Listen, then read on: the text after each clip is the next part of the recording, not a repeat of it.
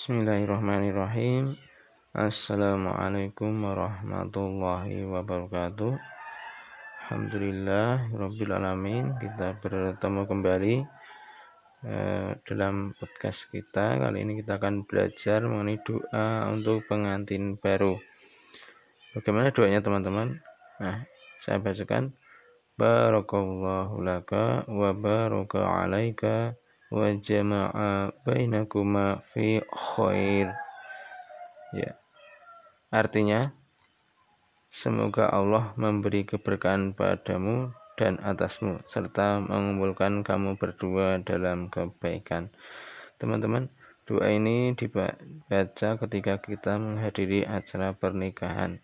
Sangat bermanfaat sekali doa ini, maka tidak selanya sampai kita tinggalkan. Tidak sulit kan doanya? Cukup pendek dan sangat mudah. Tetapi maknanya dari doa ini sangat luar biasa. Oke, mungkin itu saja yang kita sampaikan pada pertemuan ini. Semoga bermanfaat. Assalamualaikum warahmatullahi wabarakatuh.